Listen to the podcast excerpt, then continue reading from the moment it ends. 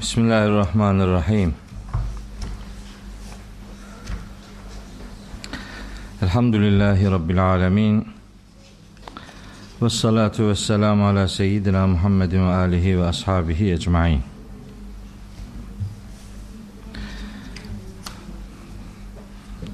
Değerli kardeşlerim, bugün inşallah Tahrim suresini okuyacağız ve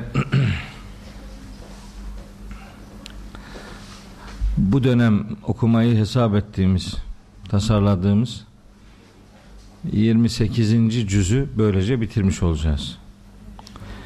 Yani bir dönemde bir cüz okuyabilmeyi doğrusu hiç tahmin edemiyordum ama okuduk.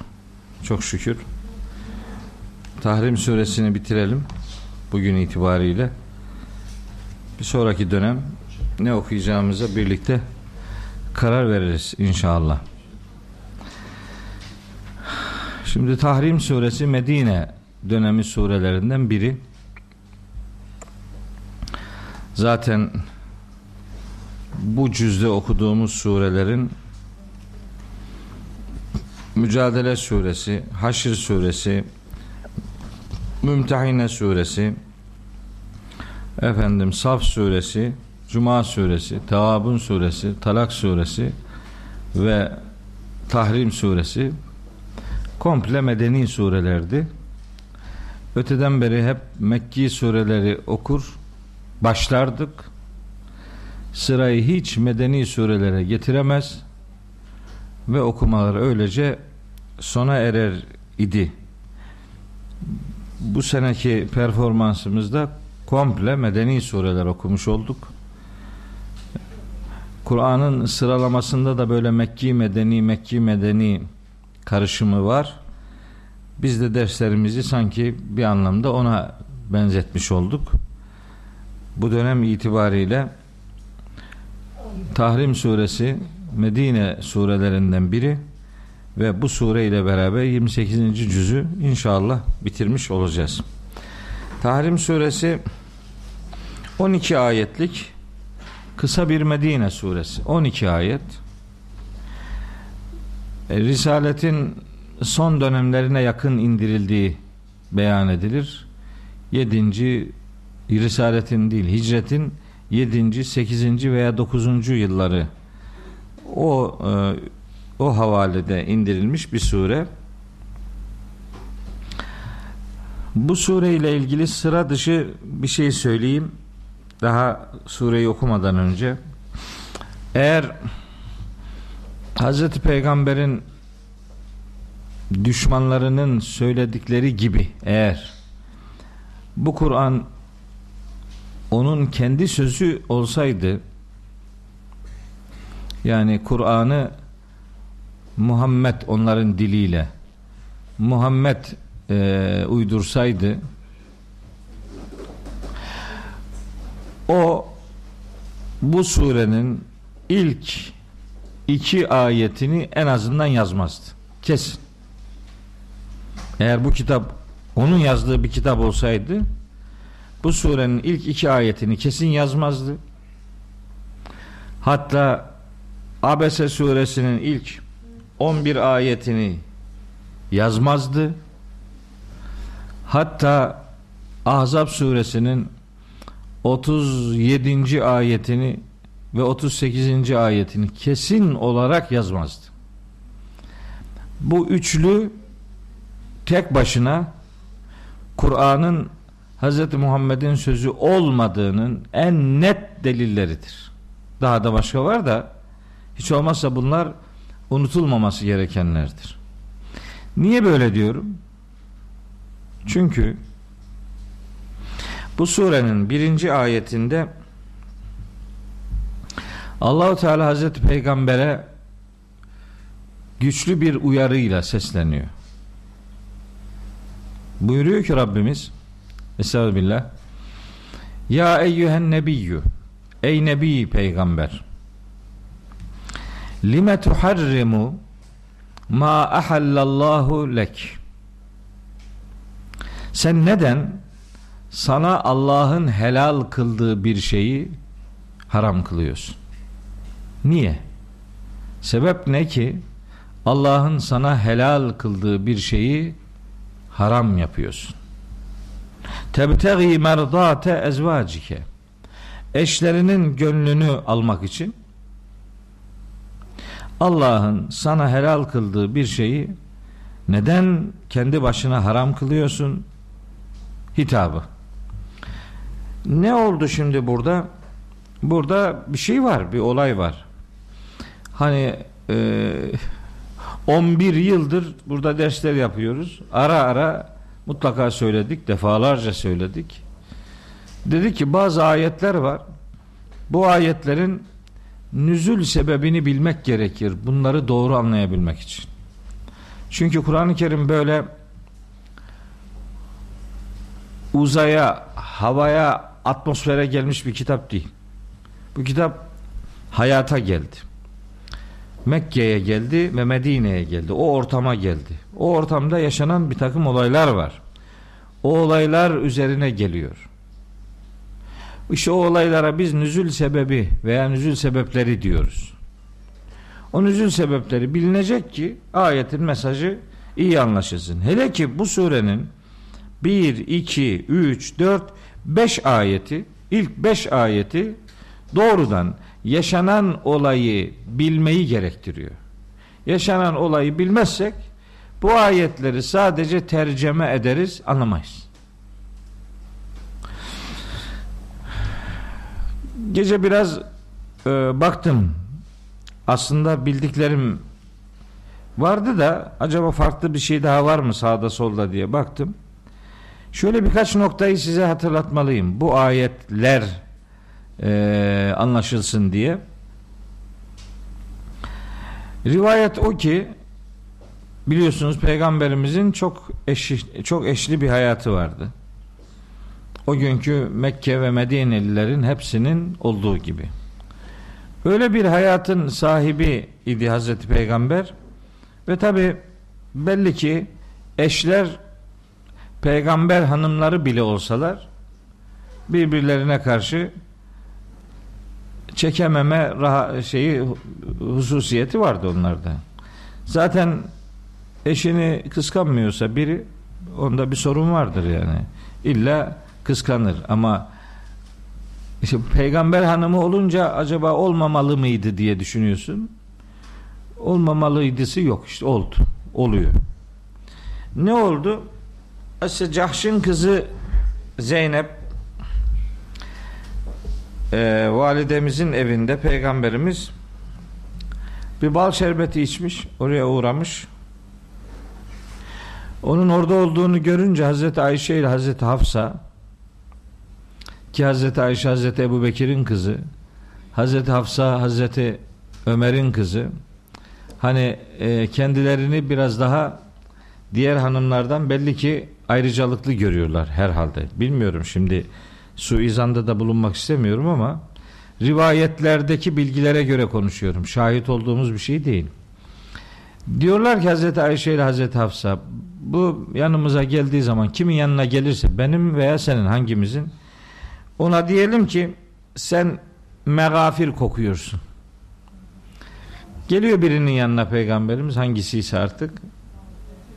Diyor ki ona bu muhtemelen Hazreti Hafsa.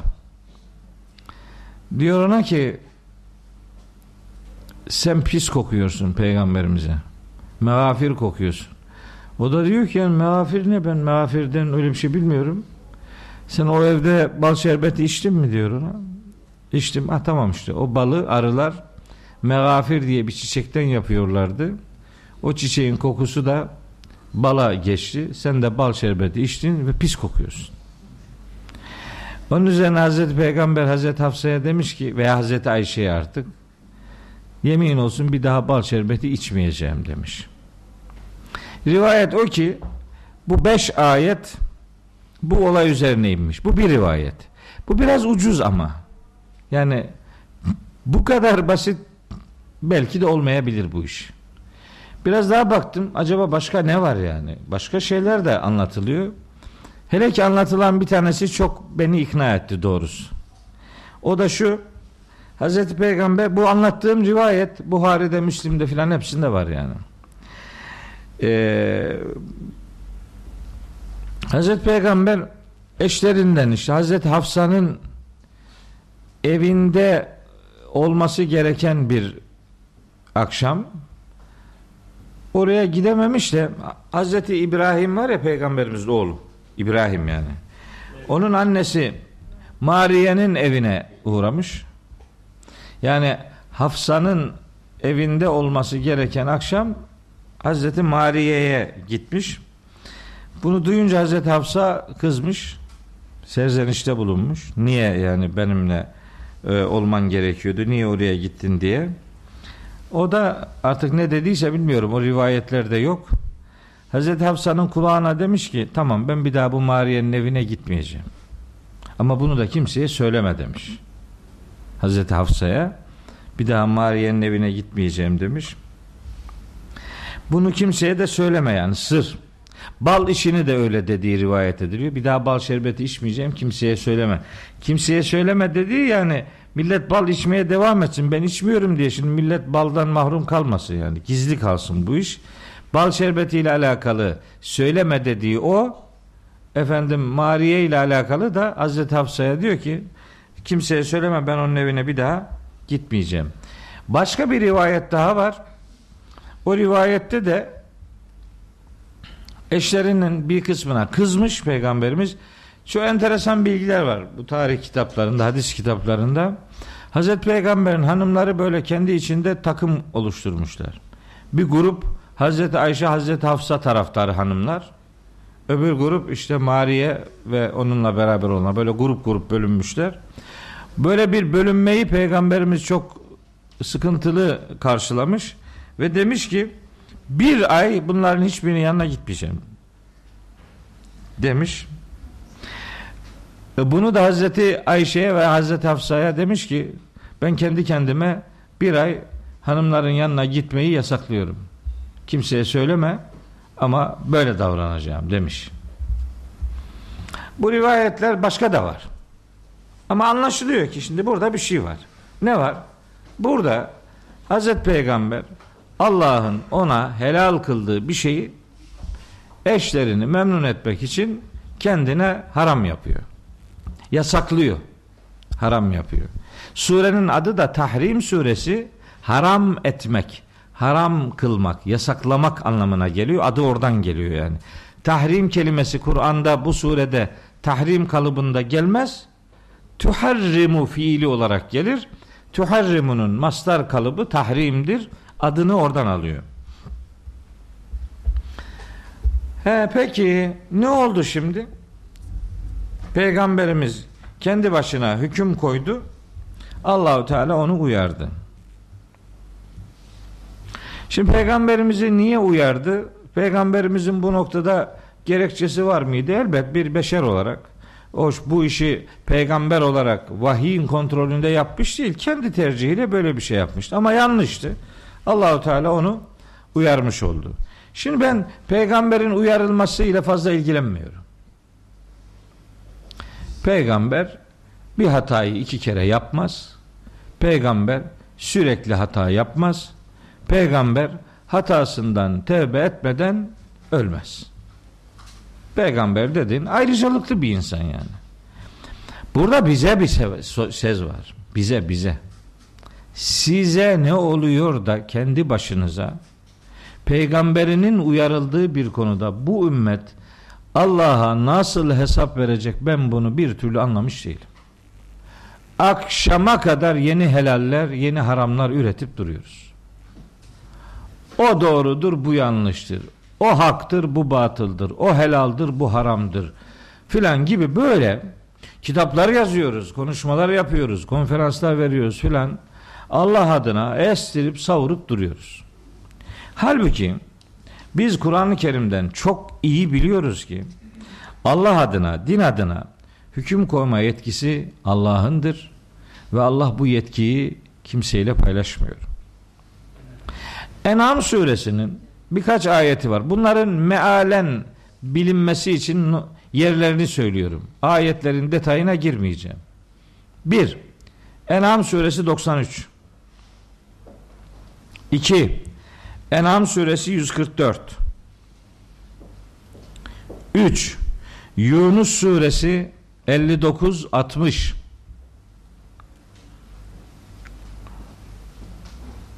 3. Nahl sur 4. Nahl suresi 116. 5. Hud suresi 18.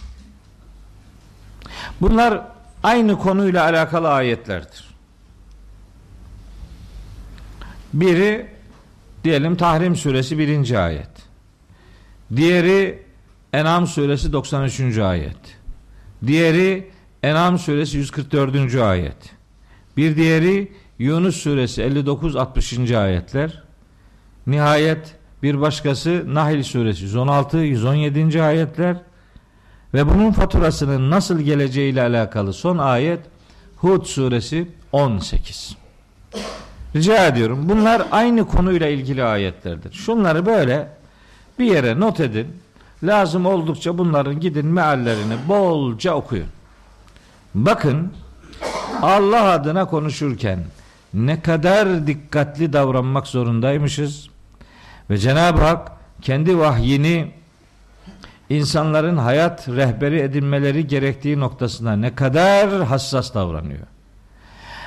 Vahiy adına kendi kafasına göre hüküm belirleyenleri ne kadar şiddetli sözlerle paylıyor. Bu ciddiyeti elden bırakmamak ve vahyin istediği gibi Allah'ın kitabına sadakat göstermenin nasıl bir zorunluluk olduğu işte o söylediğim ayetlerde çok açık bir şekilde görülüyor. Tabi ben bu ayetlere bakarken dinde helal ve haram kılma ile alakalı bir kavram kargaşasının yaşandığı kanaatindeyim. Peygamberimiz mesela şöyle bir hadis-i şerifi var. Müslim'de de geçiyor, Ebu Davud'da da geçiyor. Akşam baktım. Diyor ki peygamberimiz İnni la uhillu illa ma ahallallah ve la uharrimu illa ma harramallah. Ben sadece Allah'ın helal kıldıklarını helal kılarım. Onun haram kıldıklarını haram kılarım. Peki haram kılmanın dışında peygamberimizin bazı şeylerle alakalı bir takım uyarıları var. Bunlar ne olacak? Haram kılmak başka bir şeydir. Bir davranıştan nehyetmek, uzaklaştırmak bambaşka bir şeydir. Yani harramen nebiyyü demek başka bir şeydir. Nehen nebiyyü demek bambaşka bir şeydir. Bizim literatürde peygamberimiz nehyetti, yasakladı anlamında bilgiler vardır. Onları peygamber haram kıldı diye algılıyoruz. Hayır. O eylemlerde o fiillerle alakalı kullanılan kelime harreme, yuharrimu, uharrimu değil neha yasaklamak, nehyetmek anlamına geliyor. İkisini birbirine karıştırmamak lazım. Çünkü haram kılma yetkisi Allah'ındır. Ve Peygamberimiz Kur'an'ın helal kıldıklarının helal olduğunu, haram kıldıklarının haram olduğunu bize haber vermekle ve hayatında uygulamakla yükümlü idi. İki ayet bu vesileyle hatırlatayım. Ee, bunlardan ikisi de En'am suresinde. Tabi En'am suresi de doğru bir peygamber algısına sahip olmada çok önemli bir sure. Fakat çok uzun olduğu için yani 165 ayet böyle başlansa filan bitmez yani bu. Onun için bu çok büyük sureleri baştan başa okumak yerine onlardan ara ara verkaçlar yaparak istifade etmeyi tercih ediyorum. Yoksa ben şimdi burada En'am suresini okumaya başlasam bir dönem bir senede bitiremem bunu yani. Verkaçlar. Evet biz zaten peygamberin süresini geçeceğiz bu gidişle. O 22 senede bitirdi. Tabi onun 22 senede bitirdiğini biz daha erken bitiremeyiz. Biz çünkü ondan daha başarılı bir görüntü veremeyiz. Bizimki minimum 22'dir. Maksimum neredir? Nefes aldığımız süredir yani. Kaç sene bilmiyoruz oraya kadar vaktimiz var mı ama yani bir 40 sene iyi gözden çıkarmak lazım. ben peygamberimizin yaptığı davayı onun izinden giderek ama onun zekasının onda bir kırıntısı bile bizde yok. Onun 22 senesini alan bu hakikatin bizim de bir 40 senemizi alması senelere e, sirayet eden bir hizmete ulaşması bizim için bir kayıp değildir. Hep kazançtır elhamdülillah. Şimdi En'am suresi 145. ayet var. Şimdi bunun sadece siz buna evde bakın demiyorum. Bunu doğrudan okumam lazım. Ne kadar ciddi olduğunu ifade için söylüyorum. Buyuruyor ki peygamberimize Rabbimiz Kul de ki herkese bakın ifadeye dikkat edin. Kul de ki La ecidu bulamıyorum fîmâ uhiye ileyye bana vahyedilen bu kitapta bulamıyorum muharremen haram şeyler ala ta'imin yat'amuhu bir adamın yiyeceği gıda ile alakalı bu kitapta bana vahyedilen esaslar içinde haram olarak herhangi bir şey bulamıyorum illa ancak şu dört şeyi buluyorum. Dört şey sayıyor. Nedir işte? Onlar işte leş, kan, domuz eti ve Allah'tan başkası adına kesilen şeyler. Ben bana vahyedilen de bunların dışında bir haram bulamıyorum. Kul la ecidu bulamıyorum. La ecidu bu demek yani. Bir bu. Şimdi ne diyor adam? Akşama kadar yeni haramlar üretmiyor muyuz? Aa şimdi Ramazan geliyor. Seyredin bak. Bakın her kanalda bak kaç tane yeni haramlar türetilecek. Akşama kadar haram. Şimdi ben de bu sene Ramazan programı yapacağım. İnşallah Beyaz TV'de nasip olursa. Ee, ben e, şimdiden başladım titremeye. Acaba ne diyeceğiz? Canlı yayın süresi yaklaşık iki buçuk saat her gün akşam. Yani o kadar zaman neler anlatacağız? Nasıl anlatacağız? Nasıl nasıl faydalı olalım? Acaba kendi kanaatimizi satmama adına Allah'ın kitabını nasıl bir arı durulukta ortaya koyacağım? Bu arada nasıl hatalardan kaçınacağım filan diye böyle kendi kendime emin olun böyle adeta yiyip bitiriyorum. Yani Sümeyye biliyor yani kaç gündür şey yapıyoruz. Yani hangi ayeti okuyalım, hangi ayetleri çıkardık, liste çıkardık. Dün akşam şu kadar bir liste yaptık. Filanca gün şu ayetleri okuyalım. Peki o ayetlere uygun acaba o ayetlerle çelişmeyen rivayetler nerede buluruz? İşte bir hadis külliyatını aldık indirdik aşağıya oradan ayetler, rivayetler birbiriyle uyumlu olsun diye uğraşıyorum. Yani gerçekten çok çok çok çok çaba sarf etmek gerekiyor. Konuşuyorsan doğru konuşacaksın. Çünkü seni dinleyenler Allah'ın sözünü dinliyor duygusuyla dinliyor. Sen orada kendini pazarlayamazsın. Buna hakkın yok. Benim kanaatim bu. Sana kanaatini soran yok. Senin kanaatin senin olsun. Bana Allah ne diyor onu söyle. Milletin beklediği budur. Ciddi bir iş, sıkıntılı bir iş. Yani günlerce, aylarca, yıllarca adam konuşuyor. Ya hep kendine göre konuşuyor. Ne cesur adamlar bunlar ya. Yani acayip cesur. Ünvanları bakıyorsun yarım metre ünvanı var. Adamın adına gelmeden önce şu kadar ünvan var işte. Profesör, doktor, ana bilim dalı başkanı, bölüm başkanı, dekan bilmem ne böyle gidiyor. Onlardan adına sıra gelmiyor yani. Ama bir konuşmaya başlıyor bakıyorsun ki başından dibine kadar yalan. Profesörce yalanlar yani. Böyle gidiyor. Sıkıntı. Ben şahsen çok korkuyorum bu işten. Onun için mesela diyorum hata yaptığım zaman hata olduğunu düşündüğünüz bir şey ağzımdan çıkarsa beni, uyarın diyorum. Ben insanım. Ben de hata yaparım. Ben nereden ben peşimde melek dolaşmıyor ki hata yaptın hadi çevir bunu diye. Bizim meleklerimiz bize sadakatle muhabbet duyan kardeşlerimiz yani. Onlar derlerse ki şu konu biraz yanlış gitti onu düzeltirim yani. Ona her zaman açığım. Hiç yalandan artistik yapmam yani. Şimdi diyor ki bakın En'am suresi 151. ayette gene peygamberimize Cenab-ı Hak bakın ne diyor. Kul de ki herkese de ki Tealev gelin de ki hepiniz gelin. Gelin etlu size okuyayım, aktarayım. Neyi? Ma harrama rabbukum aleyküm. Rabbinizin sizinle alakalı ne tür saygın şeyler, haram veya işte yasak şeyler veyahut da muhterem kıldığı görevler nedir?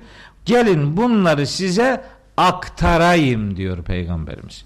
İttilavet etmek demek aktarmak demektir. Ya Peygamberimiz Kur'an'dan aktarıyor. Biz din adına konuşuyoruz, Kur'an'ı açmıyoruz ya. Peygamberimiz Kur'an'dan referanslı konuşuyor.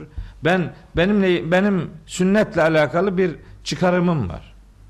Ben derim ki bir söz eğer peygamberimize aitse o sözün mutlaka ve mutlaka Kur'an'dan bir referansı vardır. Peygamberimiz Kur'an'dan anladıklarını söylemiştir. Kur'an'dan referanslı olmayan sözler peygamberimizin ait peygamberimize ait olamazdır. O itibarla iyi bir Kur'an kültürüne ve harika bir sünnet algısına şiddetle ihtiyacımız var. Kur'an peygamberimizin duruşunu, misyonunu böyle tanıtıyor, böyle belirliyor. Öyle belirlediği için de biz peygamberimizi Kur'an'dan tanımak ihtiyacındayız. Böyle tanırsak doğru bir tanıma elde etmiş oluruz. Kendi kendimize yeni bir kurum ihdas etme cüretinde bulunmamalıyız diye sözümü birinci ayetle ilgili böyle beyan etmiş olayım. Neden böyle yapıyorsun? Peygamberin şahsında bize de demek istiyor ki kafanıza göre iş yapmayın. Peygamberin uyarıldığı nokta bizim haydi haydi tokatlandığımız noktalardır yani. Yapmayın böyle bir şey. Peygamberini uyarıyor Allahu Teala. Benim yaptığıma kimse müdahale edemez diye. Biz hiç ağzımız üstüne almıyor.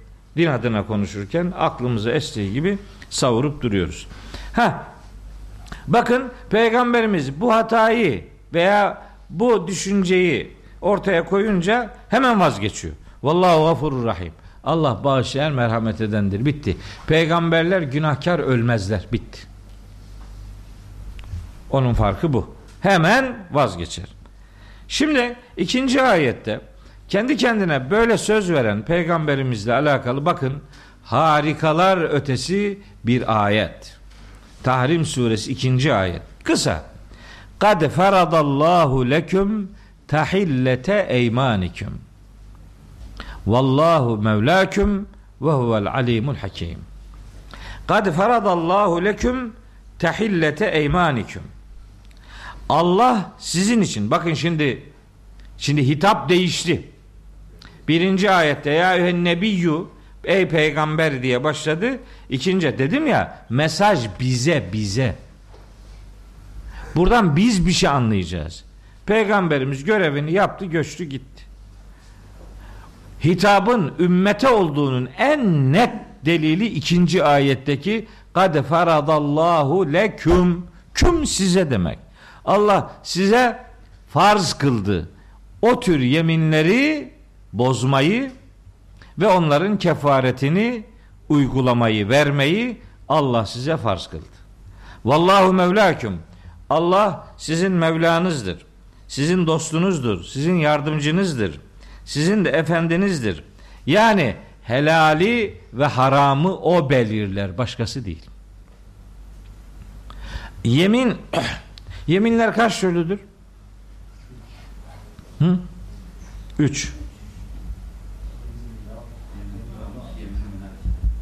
Evet. Yemini gamus. Yani hakikata tersine tersine inanmak ve inandırmaya çalışmak. Bile bile yalan konuşmak yani. Yemin olsun ki bu tersini söylüyorum. Buna yemin gamus derler. Bunun şeyi yok. Bunun kefareti yok. Ne versen ödenmiyor. Bunun hesabı mahşerde sorulacak yani. Öyle otomatik oraya gidiyor bu böyle böyle bir yemin. Buna ya gamus gamus daldıran demek. Günaha daldıran yemin. Biri bu. Yemini lağv böyle az alışkanlıklarıyla böyle boş yani bir kasıt olmaksızın yapılan yeminler. Bunların da dilden uzaklaştırılmasına çalışmak lazım. Bunlar sorumluluk gerektiren yeminler değillerdir ama hoş ifadeler de değillerdir. Bunlardan uzaklaşmak lazım. Yemini munakide var. O e, Maide suresi 89. ayetin de yer aldığı konu. Yani akde bağlı yemin, şartlı yemin yani. Yani şu işim olursa, şu şöyle olursa ben böyle yapacağım diye. Akitleşme, bir şeye bağlı yemin. Bu işte bu yerine getirilmezse bu yemin bunun kefareti var. Fe it'amu aşareti mesakine min evseti ma tut'imun ehlikum ev kisvetum ev tahrir rakabe femen lem yecid fe siyamu selaseti eyyam. Dört tane kefaret seçeneği var o yeminin. Bu yemini munakide. Bunun adı bu. Bir yemin daha var. İşte o da bu okuduğumuz ayetteki yemin. Yeminler dört türlüdür. Üç türlü dür sözü şu şu ana kadar geçerliydi. Bundan sonra geçerli değil. Yemini gamus, yemini lağv, yemini munakide, bir de yemin helali haram yapma yemini. Yani tahrime yemini. Helal olan bir şeyi haram yapma yemini. Peygamberimizin yaptığı buydu. İşte bu üçüncü yemini bozmak farzdır. Üçüncü yemin yani bir helali eğer haram yapıyorsa bir adam o yemin geçerli değildir. O yeminin gereği yerine getirilmez. O yemin bozulmalıdır. Niye? Bakın size harika bir ayet okuyayım. Yeminlerin hangisinin geçersiz olduğunu ortaya koyan bir Kur'an harikası bir ayet okuyayım size. Bakara suresinin 224. ayeti. Buyuruyor ki Rabbimiz ve la tecalullaha urdaten li eymanikum. Sakın ha yeminlerinizi Allah'ın önüne kalkan ve engel yapmayın. En teberru ve tettaku ve tuslihu beynen nas. İyilik sahibi olmanız, duyarlı davranmanız ve insanların arasını sulh etmenizle alakalı herhangi bir olumsuz yemininiz varsa bu yeminleri Allah'ın önüne engel koymayın. Yani şöyle yemin olmaz. Yemin ediyorum bugün öğleyi kılmayacağım. Böyle yemin olmaz. Böyle bir yemin tutulmaz. Yemin olsun babanı şimdi böyle evlilerde var mı? Şart şartım olsun babanın evine gidersen boşasın. Yok canım. Mı? Ne şartı? Ne neyin şartı? Babayı ziyaret etmek, anneyi ziyaret etmek hangi yeminin konusu olabilir? Böyle bir yemin olur mu ya? Yemin ettim kimseye zırnık koklatmayacağım. Laf mı? Böyle yemin olmaz. Bunlar helali haram yapan yeminlerdir ve bunların bozulması farzdır. Bunların gereği yerine getirmez. Bunlar yemin değildir yani. Bunlara yemin, yemin ettim filanca iyiliği yapmayacağım. Öyle yemin olmaz. Bakara suresinin 224. ayeti bu konuda mutlak surette bilinmesi gereken ayettir. O bilinen yemin, o bir şey değil. O şey bir şahitlik yemini. O değil. Yani yani burada diyelim faturası olan yeminlerden söz ediyoruz yani. Faturası ne? Son. Namaz kılacağım, hac yapacağım, baban evine göndereceğim. Bunun kefareti. Ha yok bilinen kefareti yok. Bunun bilinen kefareti yok. Çünkü böyle yemin olmaz. Buna benzetilen bir şey söyleyebilirim. Yani doğrudan birebir olmasa bile hani zımnen onu içeren mesela bir zihar yemini var. Zihar. Zihar yapıyor adam. Saçma sapan bir şey söylüyor. Yok. Bizde yok da bizde de onun başka versiyonları var yani. Var var. Başka başka şeyler var. Mesela çirkin şeyler var da ben şimdi kelimeyi söyleyemiyorum. Var da şimdi hanımlar duymuşlardır işte mesela veya erkekler birbirlerine söylerken güya yemin ediyor beyim. Yemin yemin kelimesi öyle bir çirkin ki. He öyle diyor da anam avradım olsun. Lafa bak ya. Manyak mı nedir bunlar ya? Böyle söz olur mu arkadaş ya? Ya, ya ne kadar çirkin ya. Şimdi zihar bizde yok. Araplar ne ahlaksızmış. Sen seninki bin beter ya. O hiç olmazsa eşini annesine benzetiyordu. Sen Sen ne yapıyorsun? Anneni eşin yapıyorsun. Ne kadar çirkin ya. Nasıl bir Müslümanın ağzına nasıl sığar böyle bir şey ya? Şey bilmedi bilsin artık ya. Bilmedim. Bu nasıl bunlar nasıl Allah'ın huzurunda ya bilmiyordum ya Rabbi bunu saymayalım. Şu bir müftü arkadaşım var. Çok da komik bir arkadaş. Böyle onunla bir araya geldiği zaman sürekli gülüyorum yani. Yani işi gücü böyle komedi. Şimdi bir gün bu yeni araba almış. Bu e, Sinop'un bir ilçesinde şey Kastamonu'nun bir ilçesinde müftü. Yeni araba almış. Öyle şoförlüğünde de bir hayat yok. Araba alınca işte düşündü ki bütün yollar benim. Yani çalışırdı böyle virajlı mirajlı yollardan dümdüz gidiyor. Jandarma durdurmuş onu. Tabi radara girdi. Tabi ne radar adam uçuyor. Demiş ona ki hocam kusura bakma ama radara girdin. Ha öyle mi dedi. Yani bu hiç olmadı.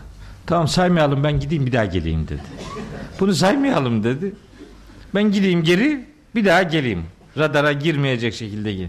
Bir daha saymayalım yok. Girdin radara işte yani. Bunlar hep radarlık şeyler. Bilmiyordum. Laf mı bu? Bilmiyordum söyledim. Böyle bil bu, bu, bu, bu bilmemek mazeret değil. Hukukta bilmemek mazeret değildir yani.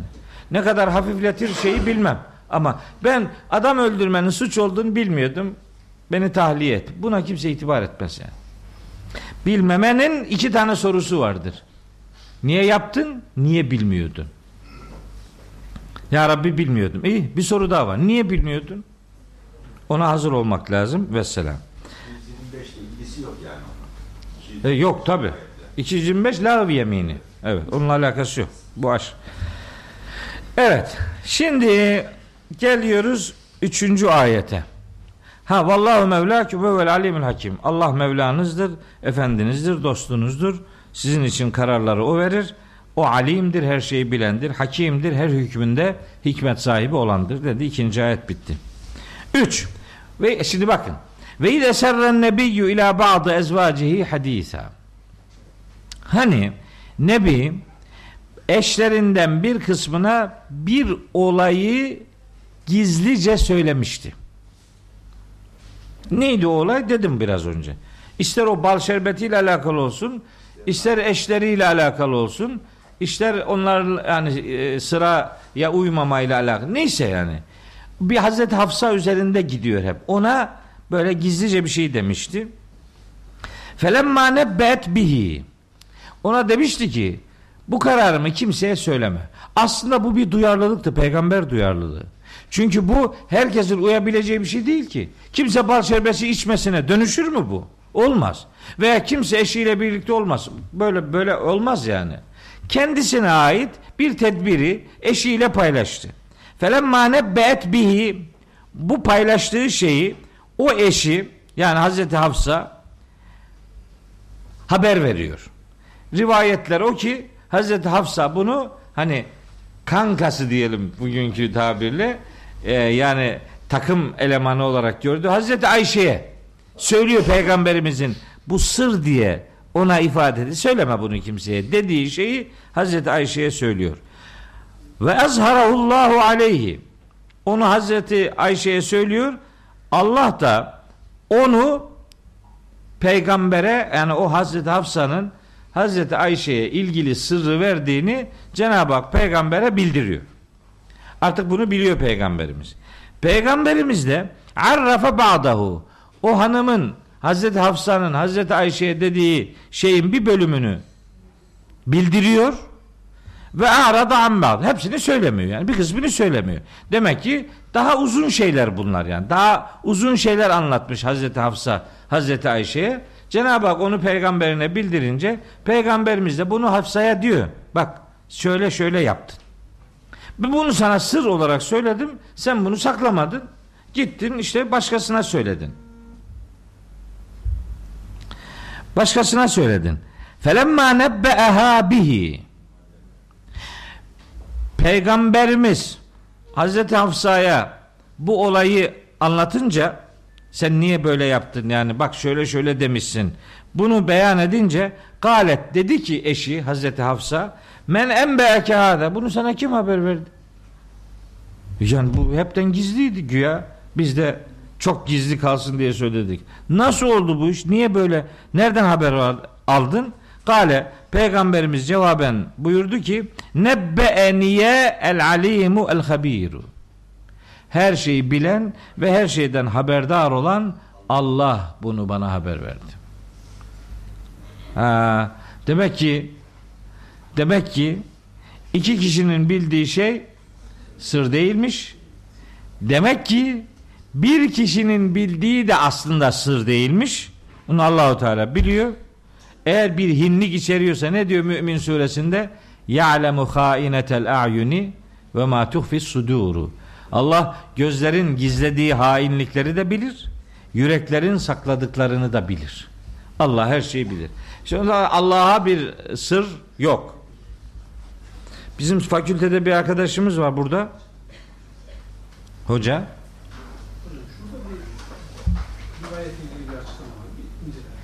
Sonra incelerim onu ya. Konuyla ilgili olduğu için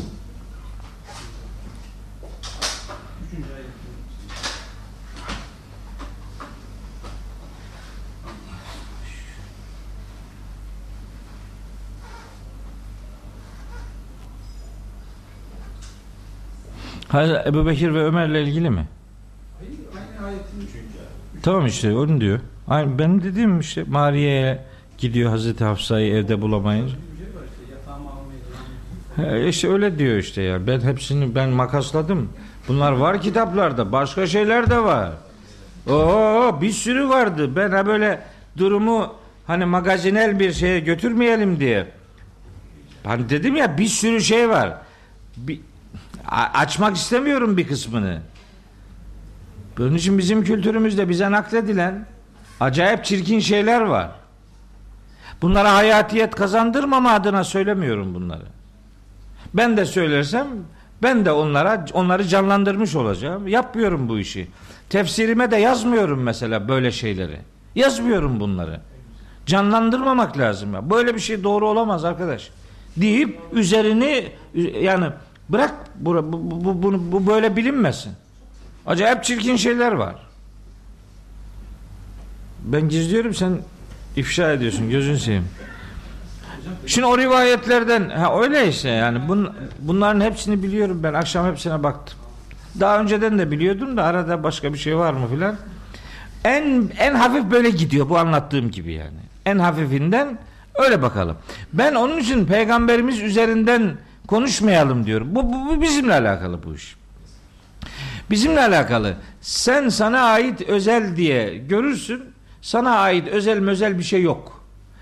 Eğer hataysa Allah onu senin önüne çıkartacaktır. Peygamber peygamberle alakalı, efendimizle alakalı böyle bir aile içerisi olay meydana gelince hanımlarını bu anlamda uyarıyor yani. Yani yaptığınız şey öyle yanınızda kar kalmaz. Ben yaptım kimse de bilmiyor böyle bir havaya kapılmayın. Çünkü biz biliyoruz evin içinde peygamberimizin evinin içinde neler olduğunu biliyoruz.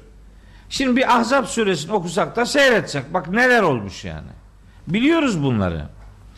Ee, öyleyse aile içerisinde doğru bir aile ortaya koyabilmek için Allahü Teala model insan olarak Hazreti Peygamber'in evinden bize örnekler sunuyor. Bu sizin evinizde de böyle şeyler olmasın demektir. Yapmayın böyle şeyler. Peygamberimiz sonra o hanımları da tevbe ettiler. Bakın hemen dördüncü ayette diyor ki İn tetûbâ ilallahi İn tetûbâ ilallahi İki hanımla alakalı. Siz Allah'a yönelirseniz iyi olur. İn tetûbâ Siz iki hanım eğer Allah'a yönelirseniz yani bu sizin hayrınıza olur. Hayrun leküm demektir. Fakat sagat kulubukuma çünkü kalpleriniz kaydı sizin. Yanlış şey yapıyorsunuz. Şimdi bunu peygamberimiz deseydi Hazreti Ayşe'ye ve Hazreti Hafsa'ya kumalık içgüdüsü bu uyarıyı dikkate almamayı getirebilirdi. Ama mesele çok ciddi, ciddi olduğu için de Allahu Teala doğrudan kendisi müdahale ediyor ve bunun eşlerin yaptığının yanlış olduğunu, mutlaka tevbe etmeleri lazım geldiğini, kalplerinin kaydığını söylüyor. Kalbin yani yaptığınız kalbinizin kaymasının sonucudur. Kalpteki oynamalar ben hep öyle diyorum. Niyetteki milimetrik sapmalar eylemde kilometrelerce ayrılığa dönüşür. Kalbinde milimetrik bir sapma varsa davranışlarda bu tarif edilemez bir boyuta ulaşır. Kalbinizi kontrol edin. Saptınız yani bunu kendinize göre bir takım gerekçelendirmelere falan konu edinmeyin. Bu olmaz. İn tetuba tevbe ederseniz iyi olur. Bazı bazı alimler bu intetuba'daki ifadeyi tevbe edin diye yorumlamışlar. Tabi hitap doğrudan emir kalıbında değil fakat böyle ifadeler var Kur'an-ı Kerim'de böyle bir şart cümlesidir cevabı gizlidir. Tevbe ederseniz çok iyi olur. Allah'a yönelin çünkü kalbiniz eğrildi kaydı. Ve in tezahara aleyhi bakın tekrar uyarıyor. Tahrim suresi ben hikaye anlatmıyorum. Doğrudan ayetin tercümesini yapıyorum. Benim kanaatim diye bir şey yok. Bak. Tevbe ederseniz çok iyi olur. Çünkü kalbiniz kaydı sizin. Ve in tezahara aleyhi cümleye bakın. Ve in tezahara aleyhi buna rağmen hala daha peygambere karşı birbirinizle birbirinize destek olursanız Nebiye karşı bir yani peygambere karşı evin içerisinde bir ihtilal yani. Tezahera aleyhi. Eğer ikiniz o iki hanım peygambere karşı birbirleriyle yardımlaşırlarsa ama tezahera aleyhi onun aleyhine yani peygamberin aleyhine böyle bir şey yaparlarsa fe innallaha şunu iyi bilsinler. Allah huve mevlahu peygamberinin Mevlası dostu Allah'tır. Ve Cibrilu Cebrail'dir. Ve salihul müminine müminlerin salih olanları peygamberin dostlarıdırlar. Yetmedi. Vel melaiketu ba'de zalike zahirun. Bütün bunların ötesinde bütün melekler de peygamberin yardımcıları ve destekçileridirler. Evin içinde bayağı sıkıntı var. Bunu niye yapıyor bu iki hanım bilmiyorum. Ben onun gerekçesi öyle bir gerekçe yok bizde. Fakat hani Hazreti Ayşe üzerinden biliyorsunuz bir ifk olayı yaşanmıştı. Bir iftira olayı yaşanmıştı biliyorsunuz. Hani Nur suresini burada işledik biz. Şu kadar zaman üzerinde durduk. Hatta ben o Nur suresiyle alakalı şeylerimi YouTube'da paylaşıyor bizim dernek. Oradan bir kısmı bana geri dönüş yapıyor. Ya hocam işte filanca konuda sizin öyle diyeceğinizi pek tahmin etmiyorduk ama Nur suresini dinleyince hayal kırıklığına uğradık. Ne oldu sana? Niye hayal kırıklığı? Neresi yanlış? Allah'ın dediğini diyorum ben yani. Allah'ın dediği hoşuna gitse de derim, gitmese de derim. Allah'ın dediği benim benim dediğimle uyuşuyorsa ben Allah'ın dediğine uydum demektir. Uyuşmuyorsa benimki hatalıdır, Allah'ın dediği gene doğrudur. Yani Nur suresiyle alakalı işte birkaç bir şey söyledim. Örtünmeyle alakalı konusunu da söyleyeyim. Yani biz senden öyle beklemiyorduk. Ne bekliyordun benden? Ne dememi istiyordun? Yani Allahu Teala'nın ya sure suretün enzelnaha ve faradnaha diye başlıyor ya birinci ayeti. Farz kıldık diye başlıyor. Bu surede anlatılan hükümler farzdır demektir. Daha kafasında ilk defa o surede böyle bir hitap var. Ben şimdi bu bir ilmin haysiyetine uymadan bunu nasıl görmeyeceğim yani? Neden yani? Niye başka bir hakikati niye çarpıtayım? Hepimiz günahkarız arkadaş. O kadar günahlarımız var ki. Vallahi ben benim günahlarımı saysam kimseninkine sıra gelmez yani. Ya ama günahkar olmak başka bir şeydir. Bir davranışın günah olmadığını söylemek bambaşka bir şeydir. Şu ikincisini yapmayalım ne olur yani. Allah aşkına yani. Kafama sarmıyor. Neymiş senin kafanda sarmıyor kafana yani? Yapamıyor olmak bir özür gerektirir. Hepimiz boynu büküyoruz. Bir sürü hatamız var. Dolu. Dolu dolu ben liste çıkarsam emin ol sizinkilerin hepsinden fazla çıkar. Benim günahlar yani. Ben bunu biliyorum. Ama günahkar olmak başka bir şeydir. Günahı savunmak bambaşka bir şeydir. Ya da bir hatanın günah olmadığını söylemek korkunç bir şeydir yani. Bunu yapmamak durumundayız. Evet. Ee, dedim ki hani o ilk olayı orada anlatılıyordu. İşte onu orada anlatmıştım. 11. ayetten ta 24. ayete kadar Hazreti Ayşe aklıma geliyor ki ya bu bir zan. Bu bir bilgi değil yani. Acaba diyorum Hazreti Ayşe yani o zaman peygamberimize çok kırılmıştı. Değil mi? Acayip kırılmıştı. Peygamberimiz bir ay boyunca eve gelip onun yüzüne bakmamış yani. O iftiraya, o dedikoduya peygamberimize kendini kaptırmış. Veya en azından eşinin yanında onu sahiplenecek bir duruş ortaya. Bütün Medine çalkalanıyor yani. Hazreti Ayşe'nin işte bir güya ahlaksızlığına. Hazreti Ayşe günlerce kan gözyaşı ağlamış. Ve en sonunda demiş ki benim haklı olduğuma dair elbette Rabbimin katında bir hatırım yok. Ben benimle alakalı bir ayetin filan geleceğini beklemiyorum. Öyle bir hatırım tabii ki yok. Ama Rabbimden niyazım odur ki peygamberinin rüyasına hiç olmazsa rüyasına benim masum olduğuma dair bir bilgi ulaştırsa da ben bu zilletten kurtulsam diye. Ne kadar kötü bir şey. Nasıl dayanılmaz bir şeydi bu. Onun rüya rüyada beklediği cevap 14 ayet şeklinde Nur suresinde yer buldu. Acaba diyorum Hazreti Ayşe rövanş mı alıyor yani? Bak o zaman bana öyle yapmıştın. Şimdi ben de seni sarstım. Bilmiyorum öyle dedi mi? Yani suizanda bulunmak istemiyorum. Mahşerde en çok görmek istediğim insanlardan biri Hazreti Ayşe'dir. O olmasaydı bu ümmetin aile hayatına dair tutunacak dalı olmazdı. Hazreti Ayşe bu ümmetin en büyük hocalarından biridir. Allah mekanını makamını cennet etsin. Bizi de onlarla komşu eylesin inşallah. Hazreti Ayşe muhteşem bir kadındı. Hazreti Ayşe'nin hadis rivayetleriyle alakalı dik duruşunu o koca koca isimleri olan hep yiğit diye tanıdığımız adamlar yapamadılar. Onun dik duruşunu ortaya koyamadılar. O itibarla ama burada isim yok. Yani bu olay anlatılıyor ama burada ne Hafsa'nın adı var, ne Ayşe'nin adı var, ne Mariye'nin adı var, hiçbirinin adı yok. Burada belli ki bir bilin, bilgilendirilme yapılıyor. Bir bilinçlendirilme yapılıyor. Kur'an'ın temel esprisi de zaten isimler üzerinde durmamaktır.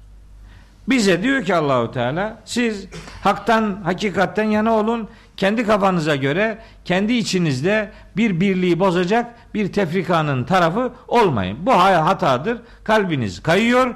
Allah'tan özür dileyin. Böyle bir batıl üzerinde yardımlaşma yapmayın. Ve intazahara aleyhi peygambere karşı birbirinize destek çıkarsanız eğer ona karşı bir birlik oluşturursanız siz zannetmeyin ki zarar verirsiniz. Onun dostu Allah'tır. Cibril'dir.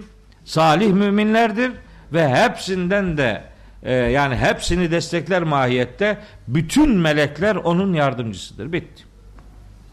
Hepimize söylüyor. Hakkın karşısında blok oluşturmayın. Ha neyin hak olduğunu önce bilmek lazım. Neyin hak olduğunu bilecek ki karşısında mıyım, yanında mıyımı doğru kararlaştırsın. Öyle değil mi?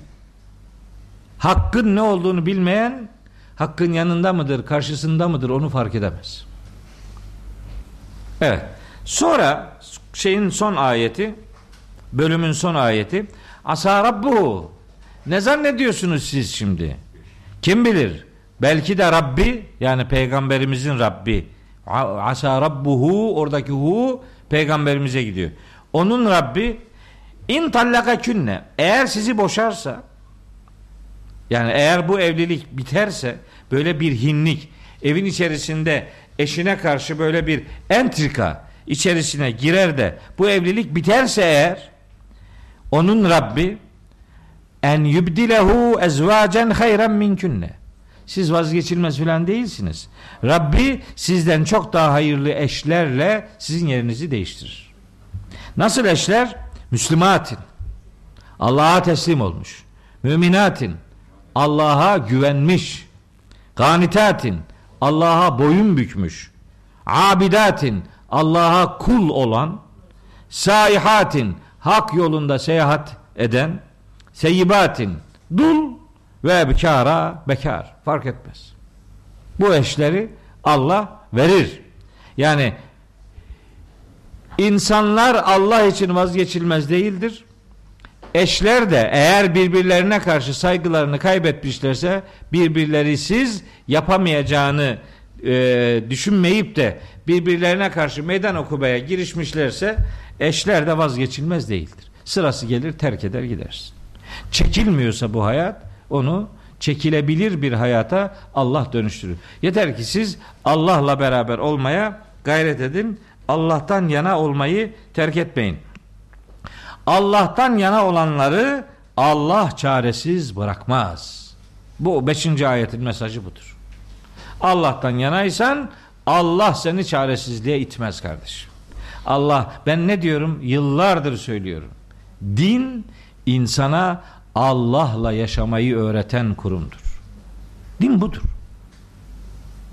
Allah var ve beni hesaba çekecektir. Bu duyguyla yaşayan adam kul olma bilincini, zevkini de hayatının merkezine alabilen adamdır.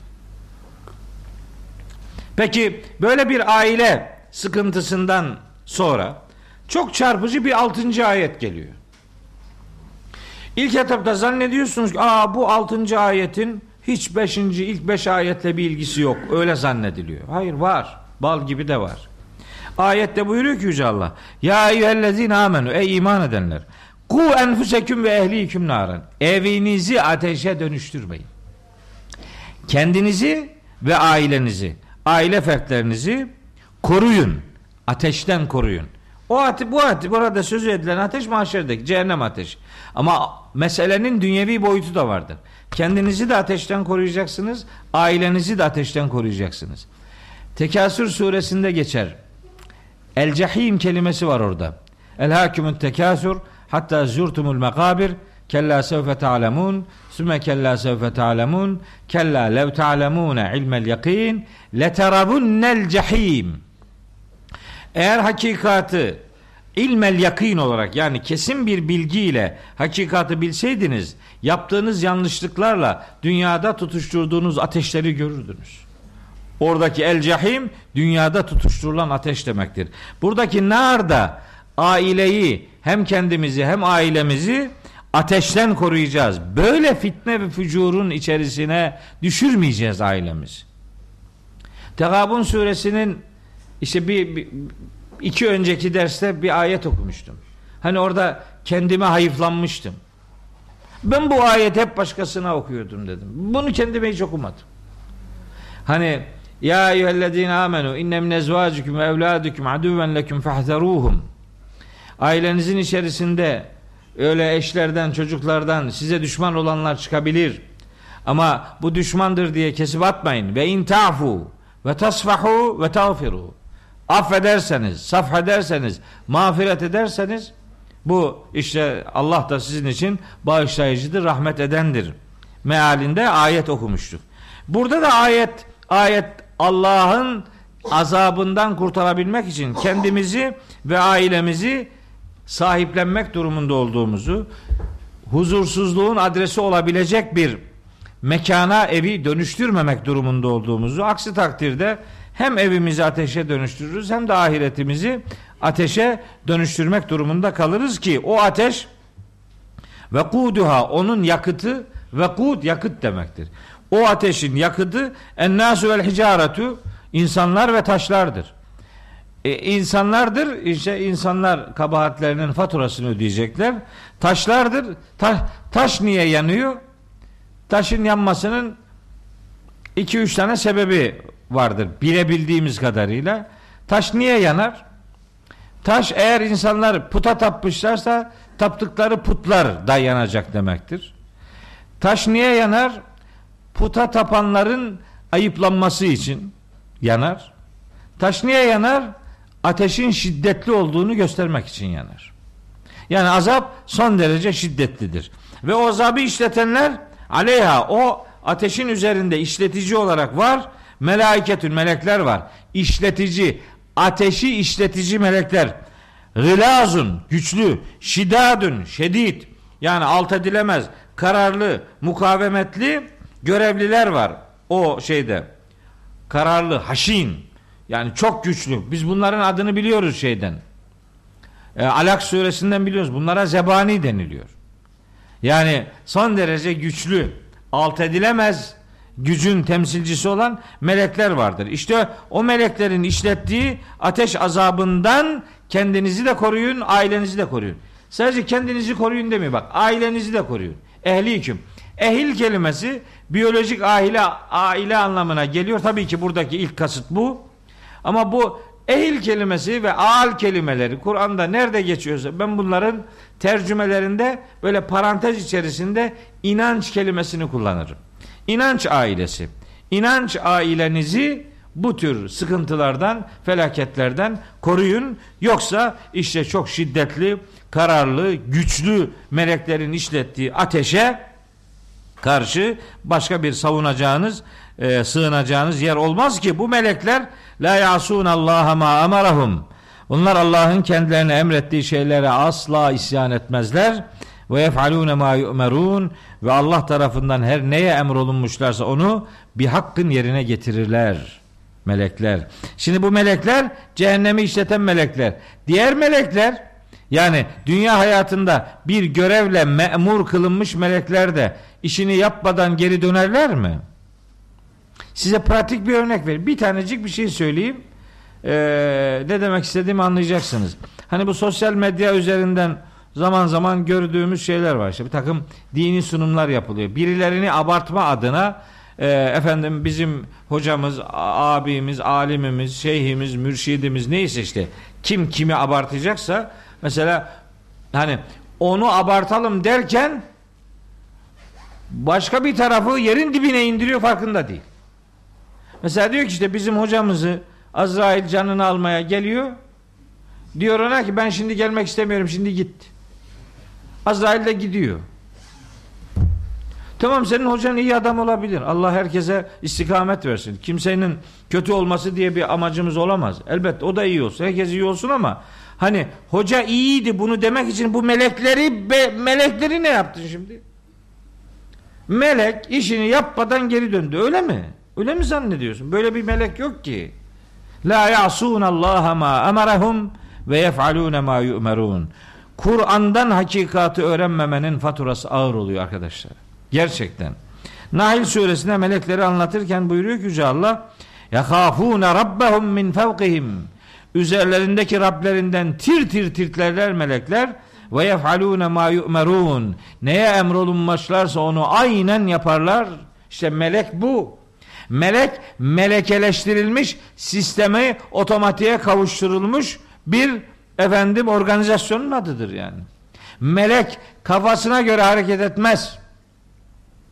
Meryem suresi 64. ayet vahiy meleklerini anlatırken der ki ve ma netenezzelu illa bi emri rabbik biz sadece Rabbinin emriyle geliriz. Kendi kafamıza göre değil. Yok öyle bir şey. La yesbikunehu bil kavli. Hiçbir melek Allah'ın Allah'ın önünde söz konuşmaz. Ve hum bi emrihi ya'melun. Onlar Allah'ın emri neyse aynen onu yaparlar diyor. Bak meleği böyle tarif ediyor. Enbiya suresinin 26. ayetinde, Nahil suresinin de 50. ayetinde, Meryem suresi 64. ayette işte meleklerle alakalı bu duyarlılık var. Kadir suresinde de var değil mi? Tenezzelül melaiketu ve ruhu fiha biizni rabbihim bak geliyorlar. Neyle? Nasıl geliyor? Kendi kafasına estiği zaman değil. Biizni rabbihim. Rablerinin izniyle bitti. Kendi kendisi kendiliğinden gelmiyor ki. Hatta bu Musa Hızır kıssası var ya. Duymuşsunuzdur da Musa Hızır kıssası. Heh. Ona, onu bakalım ona sıra gelecek mi biz? Anlatabilecek miyiz? Keyif suresi de böyle acayip bir sure. Okuyabilsek keşke. O Musa Hızır kıssası anlatılıyor, anlatılıyor, anlatılıyor. Hani üç tane olay oluyor orada da. O da Hızır mızır yok da yani. İşte öyle edebiyata öyle geçtiği için Hızır diyorum yani. Oradaki Hızır mızır değil. Ne Hızır? Oradaki melek melek bir peygamberin eğitime tabi tutulduğu bir meleğin yolculuğudur o. Melekle peygamberin yolculuğudur. O olayları anlatıyor, anlatıyor, anlatıyor. Sonunda diyor ki bak Keyif suresi 82. ayette ve ma fealtuhu an emri ben bütün bunları kendi başıma kendiliğimden yapmadım diyor. Bu orada gayb üç tane gayb konusu var. Üç tane gayb. Gaybsa bunu melek de bilemez ki. Gaybı Allah'tan başka kimse bilmiyor. Bak melek diyor ki bütün bunları ben kendiliğimden yapmadım. Melek melek yapıyorsa otomatik bir irade onu oraya kilitlemiştir. O bir haliyle kendisini efendim yapılmış buluyor vesselam. Kur'an'dan anlaşılırsa hakikatler bir takım yanlışlıklardan kurtulmamız mümkün olur diyorum. Şimdi 6 ayet okuduk yarısı. Bir saat oldu başlayalı. 6 ayet daha var.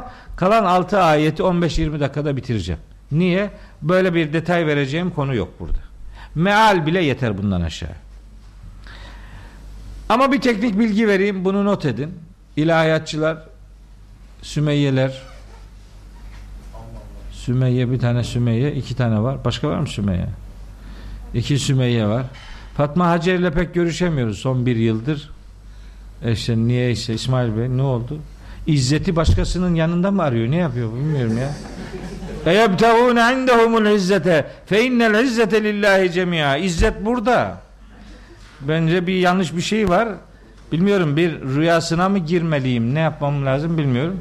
Bir şey olacak yani. Ona da söyleyeyim. Hafize'ye de söyleyeyim.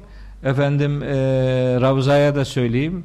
İlahiyatçı kızlarımız Sadiye'ye söyleyeyim. Benim asıl ilahiyatçı kızım Sadiye burada.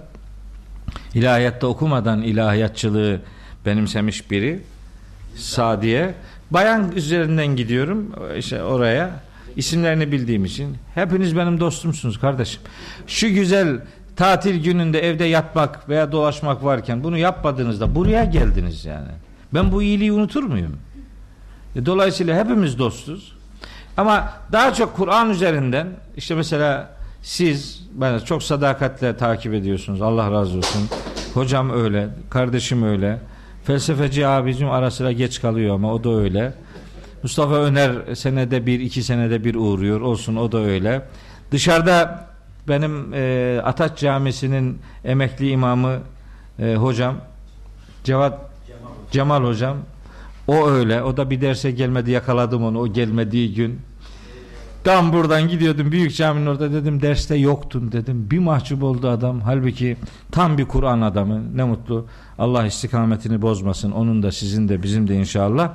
Kur'an'da sadece burada geçen bir ifade var. Onu hatırlatmak istiyorum. Kur'an'da ne kadar ya eyyuha diye başlayan ifade varsa bunlar ya ya eyyühellezine amenü diye gelir ya da ya eyyühen nasu diye gelir. Ya eyyuha, ya eyyühen nasu, ya eyyühen nefsu, ya eyyühen nebiyyü, ya eyyühen resulü hep böyle gelir ama yoğunlukla ya eyyühellezine amenü diye gelir. Bir tane istisnası var bunun. Ya eyyühellezine keferu. Sadece burada geçer. Not alın dursun bir yerde. Ya eyyühellezine keferu sadece Tahrim suresinin 7. ayetinde geçer. Başka hiçbir ayette yok. Arama Sümeyye yok. Ya eyyühellezine keferu diye başka bir ayet yok. Hemen daldı Kur'an'a böyle bir şey bulacak. Yok. Ya eyyühellezine keferu. He. O kul ya kul a'udhu kulle ilgili bir şey demedik biz. Ya eyyuha diye başlayan. Niye itibar et işte öyle kapat orayı beni takip et. Ya ellezine keferu ey nanköle yani ey hakikatin üzerini örtenler. La ta'tezirul yevm mahşere geldiğiniz zaman özür filan dileyemeyeceksiniz. Özür dileyemeyeceksiniz. Özür dilemeyin. Özür dilemeye kalkışmayın. Ah bununla alakalı ne harika iki ayet var. Üç ayet. Özürle alakalı. Hadi söyle Sümeyye hangileri bunlar? Özürle alakalı. Ha, gördük tabi. Neydi ama? Tabii ki gördü. Yok ya yok yok işte. Başka bir şey düşünüyor Sümeyye bu ara. Mahşerde özür dileme ile alakalı. Mürselat suresinin Haza 35-36. ayetleri. Haza yevmu la yantıkun. Bugün nutuk atma günü değil. Ve la yu'zenu lehum. Onlara izin verilmeyecek ki feyatezirun. Özür dilesinler. İzin mizin yok. Nutuk atma günü değil bugün diyor Allahu Teala. Şimdi lafı dinleme günüdür. Velev elqa maazire. Kıyamet suresini anlatıyor. Bir takım mazeretler ileri sürmeye kalkışsa bile bu nankör adam. Ona denecek ki la tuharrik bihi lisanek. Dilini depreştirip durma. Litacele bih. Hükmü acele elde etmek için dilini depreştirip durma. Kıyamet suresinin 15-16. ayetleri. Mesela diyecek ki bunlar böyle spot ayetlerdir. Konuyla alakalıdır. Hani birini okurken diğerleri hemen devreye girmesi lazım. Genel ve toplu bir kanaat sahibi olunsun diye. Mesela bir tanesi 84. ayeti Nahil suresinin ve yevme neb'asu min kulli ümmetin şehiden. Sümme la yu'zenu lillezine keferu. Kafirlere izin verilmeyecek. Ve lahum yustahtebun. Özür dileme imkanları tanınmayacak onlara. Ve lahum yustahtebun o demek. Hiç tövbe etmeye fırsat özür dilemeye fırsat verilmeyecek bu adamlara diyor. Bu da Nahil suresi kaçıncı ayet? 84 daha söyleyeyim mi? Bir tane daha söyleyeyim Rum suresi 57. ayet. Feyevmeyzin la yenfa'ullezine zalemu maziretuhum. Zalimlere o gün mazeretlerinin faydası olmayacak. Lahum yusta'tebun. Özür dileme fırsatı verilmeyecek onlara. Verilmeyecek. Hadi bir tane daha söyleyeyim. Müminun suresinde Müminun suresinin 108. ayeti. Cehennemliklere denecek ki Galehse'u fiha Orada alçaldıkça alçalın. Ve la tükellimuni. Bugün bana sakın söz söylemeyin. Bugün konuşma günü değildir. Haza yevmu la yantıkun. Bugün nutuk atma günü değildir. Yani mahşer günü. İşte onu söylüyor. Bak kaç tane ayet okudum size. Hepsi aynı konuyla alakalı yani. Birbiriyle bağlantılı. Birini söyleyince öbürleri hatırlanmalıdır. Ya eyyühellezine keferu. Ey kafirler nankörler. La ta'tezirul yevm. Bugün özür günü değil. Özür dilemeyin. Hiç bunun bir faydası yok. İnne ma tüzzevne ma kuntum ta'melun. Dünyada yapmış olduğunuz şeyler her neyse onların karşılığı size bugün verilecektir. Allah'ın hakikat diye belirlediği şeylere karşı mesafeli durmak Müslümana yakışmaz. Müslüman hakka teslim olandır. Kafir ve mücrim hakkı teslim almaya gayret eden cüretkarlardır. Şimdi önce kafirlere böyle bir büyük uyarı veriyor. Sonra Kur'an'da hani böyle me- me- meseleleri çifterli anlatma, zıddıyla anlatma, eşiyle anlatma metodu vardı. Neydi bu? Mesani. Mesanilik özelliği. Önce kafirlerle alakalı. Daha önce müminlerle alakalı bir uyarı yaptı. Sonra kafirlerle alakalı bir bilgilendirme yaptı. Sonra tekrar müminlerle alakalı başka bir e, bilgilendirme daha yapıyor. Şimdi bizim can simidimiz bir ayet okuyorum size. Can simidi. Hepimizin hava kadar, su kadar muhtaç olduğumuz ayet. Tahrim suresi 8. ayet. Ya eyyühellezine amenü. Ey bütün iman edenler. Tubu ilallahi tevbeten Her biriniz bir nasuh tevbesi üzere Allah'a yönelin. Tevbe ne demek? Tevbe ne demek?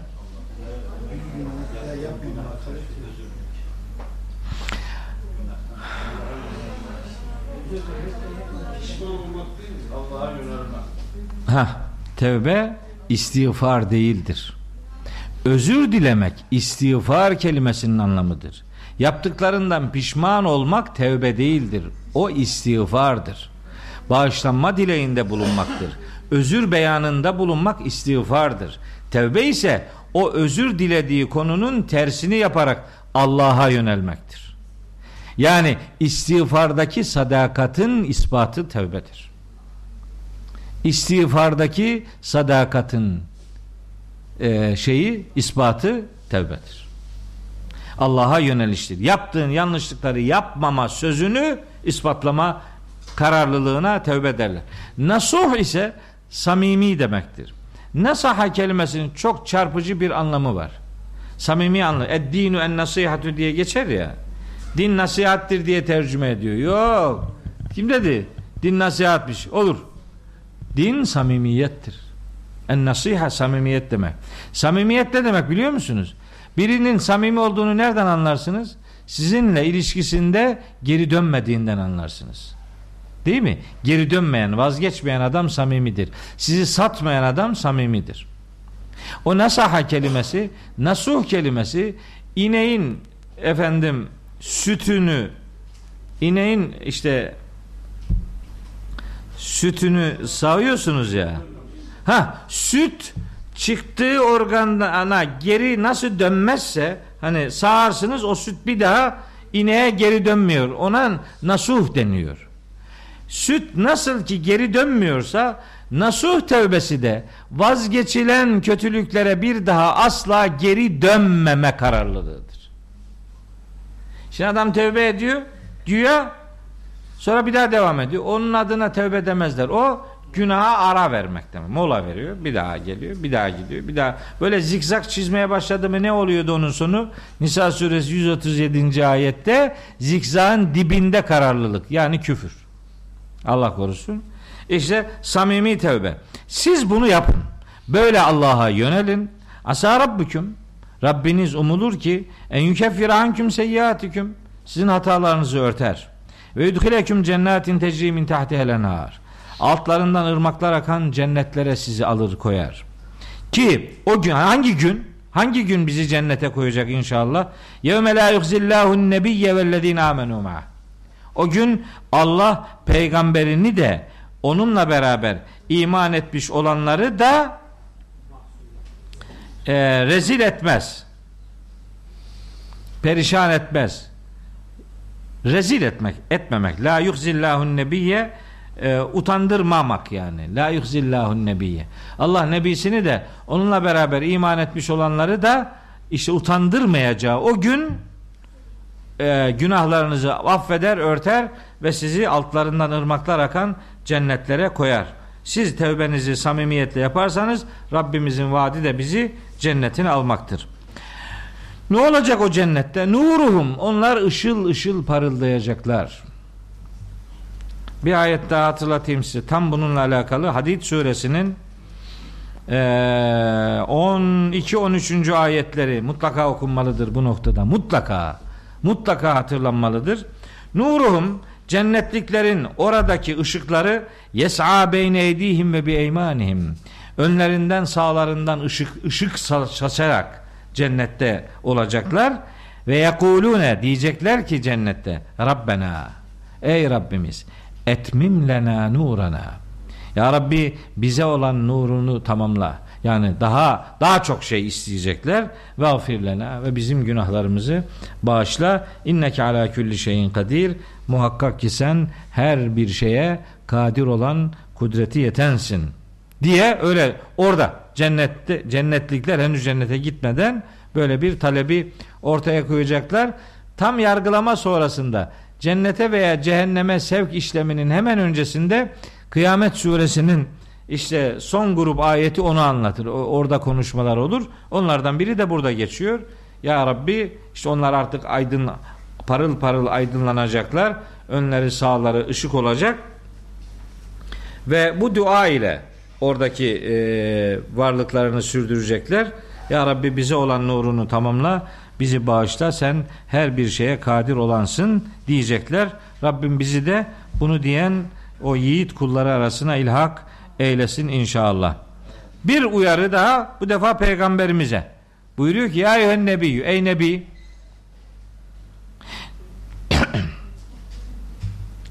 Ey peygamber, ey nebi, cahidil küffara vel münafikine vagluz aleyhim. Sen kafirler ve münafıklarla cihad et ve onlara karşı sert davran. Evet, öfken olsun. Ka- kafirin tabi kafire öfke değil aslında bu. Münafığa öfke değil. Ben öteden beri söylüyorum. Bugün bir daha söyleyeyim. Biz insanlarla iletişimimizde yani kötü diye değerlendirdiğimiz insanlarla iletişimimizde üç noktada dikkat etmeliyiz. Bir söz veya bir davranış küfürse biz buna küfür deriz. Bir söz veya davranış şirk ise biz buna şirk deriz. Bir davranış veya işte kabul nifaksa biz buna nifak deriz. Ama bu davranışların sahiplerine kafir, müşrik ve münafık diyemeyiz. Kafir, müşrik, münafık demek Allah'ın işidir. Bizim öyle bir görevimiz yok. Biz eylemi tanıtırız, sahibini de şifre etmeyiz. Burada da Hakikatın üzerine örtmeye dikkat çekilir ve nifakın zehir oluşuna dikkat çekilir. Kafirin ve münafığın küfrüne ve nifakına düşmanız biz. Kafirin ve münafığın bizim tarafımıza geçmesi için onlara tebliğ yapma görevimiz devam ediyor. Ümmet iki türlüdür. Ümmeti icabet, ümmeti davet. İcabet edenler Müslüman olanlardır. Geri kalanlar davete konudur. Onların da Müslüman olması isteniyor. Bizim cihadımız küfre karşıdır. Kafiri kazanmaya gayret ederiz. Bizim cihadımız nifaka karşıdır. Münafık olanı kazanmaya gayret ederiz. Bu arada kendi hayatımızda küfür diyebileceğimiz, nifak diyebileceğimiz hususiyetlerle de uğraşma zorunluluğumuz vardır. Bunu kendi üzerimizden hayatımızın içerisinde e, bizimle ilişkili olan yanlışlara karşı mücadele etme görevimiz de devam ediyor. Bu tür kafir ve münafık tiplilere karşı tavrımız sert olsun diyor Allahu Teala. Cihad et, kararlılık göster ve mevahum cehennem. Yoksa bu adamların varacağı yer cehennem ve bir selmasir. Orası ne kadar kötü bir dönüş varış yeridir. Onlara karşı bir yani sevecen bir tavır ortaya koymak ama küfür ve nifaklarını da düşman bilmek durumundayız. Şimdi iki örnekle sure bitiyor. Bir, kafirlere, kafirlere ve kafirliğe bir örnek. İki, müminlere ve müminliğe bir örnek. Önce kafirlere yönelik örnek. Daraballahu meselen lillezine keferu. Allah kafirlere bir örnek veriyor. Hem kafir olan insan diye bir örnek veriyor ölüp gittiği için. Allah kafir diyorsa o kafirdir. Allah derse o kafirdir. Biz diyemeyiz yani. Biz bilmiyoruz çünkü. Adamın yüreğindeki hissini bilmediğimiz için onun sözüne ve eylemine bakarak onu nitelendiremeyiz. Buna hakkımız yok. Ama Allah bir adamın kafir olduğunu söylüyorsa o o zaten sonunu bildiği için ve ölenlerle alakalı söylüyorsa kafirse kafirdir. Kafirler için örnek veriyor Allahu Teala. Kimi? İmraete Nuhin ve imraete Lutin. Nuh'un hanımını ve Lut'un hanımı. İşte bunlar kafir diyor Allahu Teala. Hem bunlar kendileri kafir hem kafirlerin dikkatine sunuyor. Bak bunlar kafirdi diyor. Ey kafirler böyle kafirlik yapmayın yani. Kâneta tahta abdeyni bunların ikisi de iki kulumuzun nikahı altındaydılar. Min ibadina bizim saliheyni salih iki kulumuzun nikahı altındaydılar. Ve fakat fekânetâhuma bunlar o kullara yani Nuh'a ve Lut'a aleyhisselam hıyanet ettiler. Felem yuniya anhuma min Allahi şey'en. O iki kulumuz onları Allah'tan gelecek herhangi bir azap noktasında hiçbir şeylerini gideremediler. Ve kıyle onlara denildi ki denilecek ki yani udhula ennâre ma'ad dâhilîn. Giren kişilerle beraber siz de şimdi ateşe girin denecek. Bak peygamber Nuh aleyhisselam. Peygamber Lut aleyhisselam. Kim bunlar bun, bunlarla alakalı anılanlar kim? Hanımları. Pe peygamberin, ulul azim bir peygamberin hanımı. Hazreti Nuh ulul azim peygamber. Hazreti Lut kararlılık göstermiş. Ağır imtihanlar geçirmiş bir peygamber. Onların hanımı onlara hıyanetlik ettiler. Ve onlarla ilgili hiçbir şey gideremediler. Gideremeyecekler diyor Allahu Teala. Tam bununla alakalı Efendimiz Aleyhisselam'ın bir hadis-i şerifi var. Hazreti Fatıma'ya hitabı. Nefis bir hadis-i şerif. Buyuruyor ki Peygamberimiz Ya Fatıma Ey Fatıma İşteri nefseki min Allahi Teala Nefsini canını Allah'tan satın almaya bak. Fe inni la ugni anki min Allahi şey'a. Ruzi mahşerde seninle alakalı hiçbir şeyi Allah'ın huzurunda gideremem. Aynı bak ayetin dediğinin aynısını söylüyor. Ne dedim biraz önce? Peygamberimizin sahih sözleri Kur'an'dan beslenmiştir. Onların mutlaka ayetlerden referansı vardır. Mutlaka. Şimdi ayeti bilmeden bu rivayet uydurmadır demek kahramanlıktır. Bu, bu, bu, bunu yapmamak lazım. Ayeti bileceksin. Bak rivayet gayet net. Neden besleniyor? Bu ayetten besleniyor. Bir peygamber hanımına fayda veremeyecek. Bizim peygamberimiz de kızını bir başka rivayette de Hazreti Ayşe'yi uyarıyor. Nefsini Allah'tan satın al. Ruzi mahşerde ben Allah'tan sizinle ilgili bir olumsuzluğu gideremem diyor. Daha ne desin? وَضَرَبَ اللّٰهُ مَسَلًا لِلَّذ۪ينَ آمَنُوا Bu defa iman edenlere ve müminlere dair bir örnek veriyor Allahu Teala. Kimi? İmraete Firavune. Firavun'un hanımını. Asiye. İz galet. Bu hanım demişti ki hani bak bak yiğit hanıma bak. Yiğit yiğit. İz galet. Hani de, hanım şimdi bu hanım Firavun'un hanımı. Bunun parası var mı? Var. Makamı mevkisi var mı? Var. Kaşhaneleri, sarayları var mı? Var. Her şeyi var mı? Var. Dünyalık denen her şey var. Kadın dünyaya değil, ahirete talip. İz galet. Hani bu hanım demişti ki Rabbi ey Rabbim ibnili indeke benim için katında bina et yap. Beyten bir ev fil cenneti. Cennette bir evim olsun. Saray istemiyor. Burayı tercüme ederken tercümelerde kaç tane baktım akşam bizim benim için cennette köşk yap diyor. Ya beyten diyor beyten. Kusuren filan kasırlar masırlar onlardan söz etmiyor ki. Benim için bir ev yani ben senin rızana talibim ya Rabbi. Ben buradaki böyle sarayları marayları istemiyorum. Ne yiğitmiş be. Kocası Firavun olan bir kadının yiğitliğine bak. Kur'an-ı Kerim kadınlara çarpık bakıyor. Senin gözün çarpık. Kur'an'ın kadınlarla alakalı bir çarpıklığı yok. Kusura bak. Senin Kur'an'dan haberin yok. Ben ne yapayım ben sana ya? Ama Kur'an ne kadındır diye ayırır ne erkektir diye ayırır. Yiğitliğine vurgu yapar. Erkekse erkeğin yiğitliğine, kadınsa kadının yiğitliğine. Kur'an insanlara dişiliğinden değil kişiliğinden bakar. Ölçümüz dişilik değil kişiliktir. Kişilik üzerinden seslenir. İşte bir yiğit kadın. Firavun'un hanımı. Dünyayı terk etmiş, kocasına karşı durabilmiş yiğit bir kadın. Asiye. İşte sözü ayetleşmiş. Var mı bizim yiğitlerden sözü ayetleşen bir tane? Bak yiğit kadın. Sözü ayetleşen kadınlar var. Kim? İmran'ın hanımı Hanne. Sözü ayetleşmiş. Firavun'un hanımı Asiye. Sözü ayetleşmiş. Öbürlerin sözleri ayetleşmedi. Bu şey Nuh'un ve Lut'un aleyhisselam bunların hanımların ayet, sözleri ayetleşmedi elhamdülillah. Onların yok. Bu bu hanımların sözü ayetleşmiş.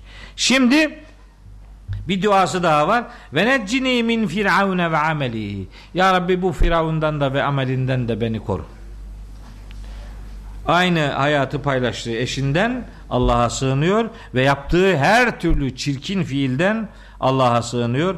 Ve neccini minel kavmiz zalimin. Sadece Firavun değil diyor ya Rabbi. Bunun yardakçıları var. Bunun avanesi var. Buna yalakalık yapanlar var. Bunun zalim toplumu var.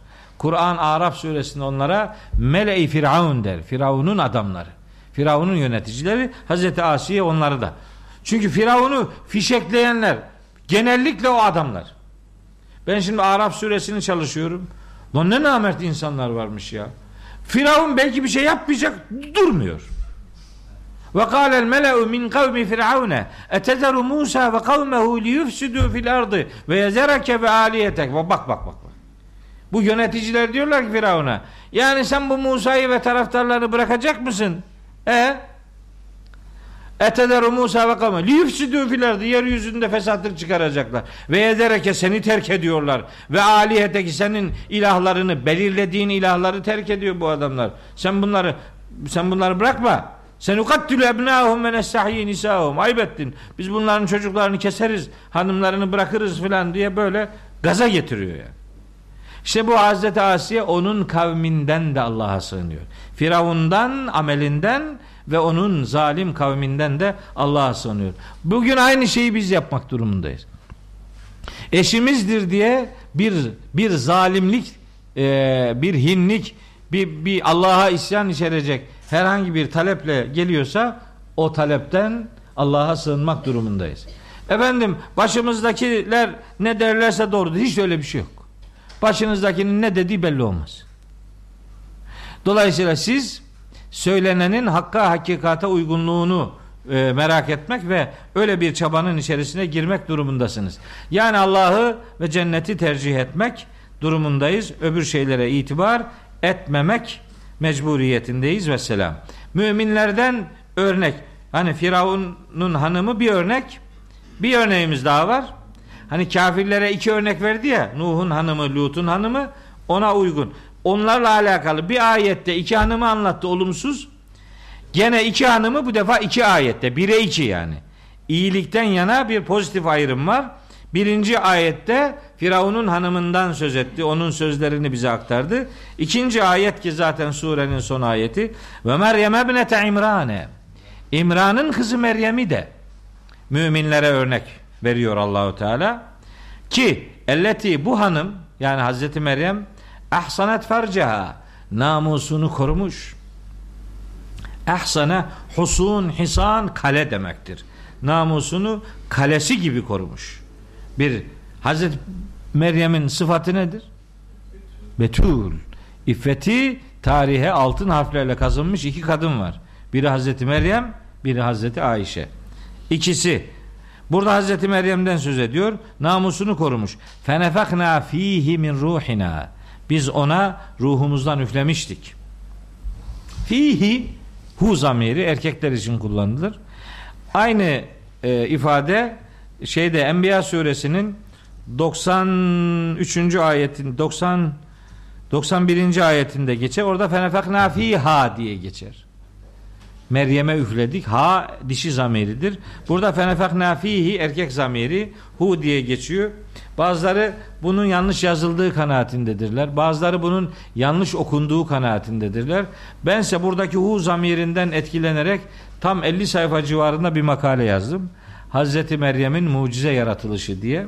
Buradaki hu zamiri Hazreti Meryem'de aynı zamanda erkek hücresinin de bulunduğunun çarpıcı delilidir.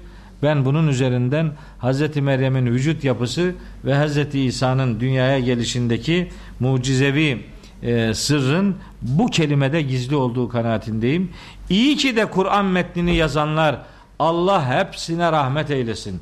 Hepsinin makamını, mekanını cennet eylesin. İyi ki demediler ki yani bu burada hu olmaz bunu ha yapalım. İyi ki demediler. İyi ki hu diye yazdılar. Yani fihi diye yazdılar. Çünkü bu bir muhteşem Kur'an mucizesidir bu hu. Bir kadının vücut yapısının sıra dışılığını ortaya koyan harika bir zamir göndermesidir.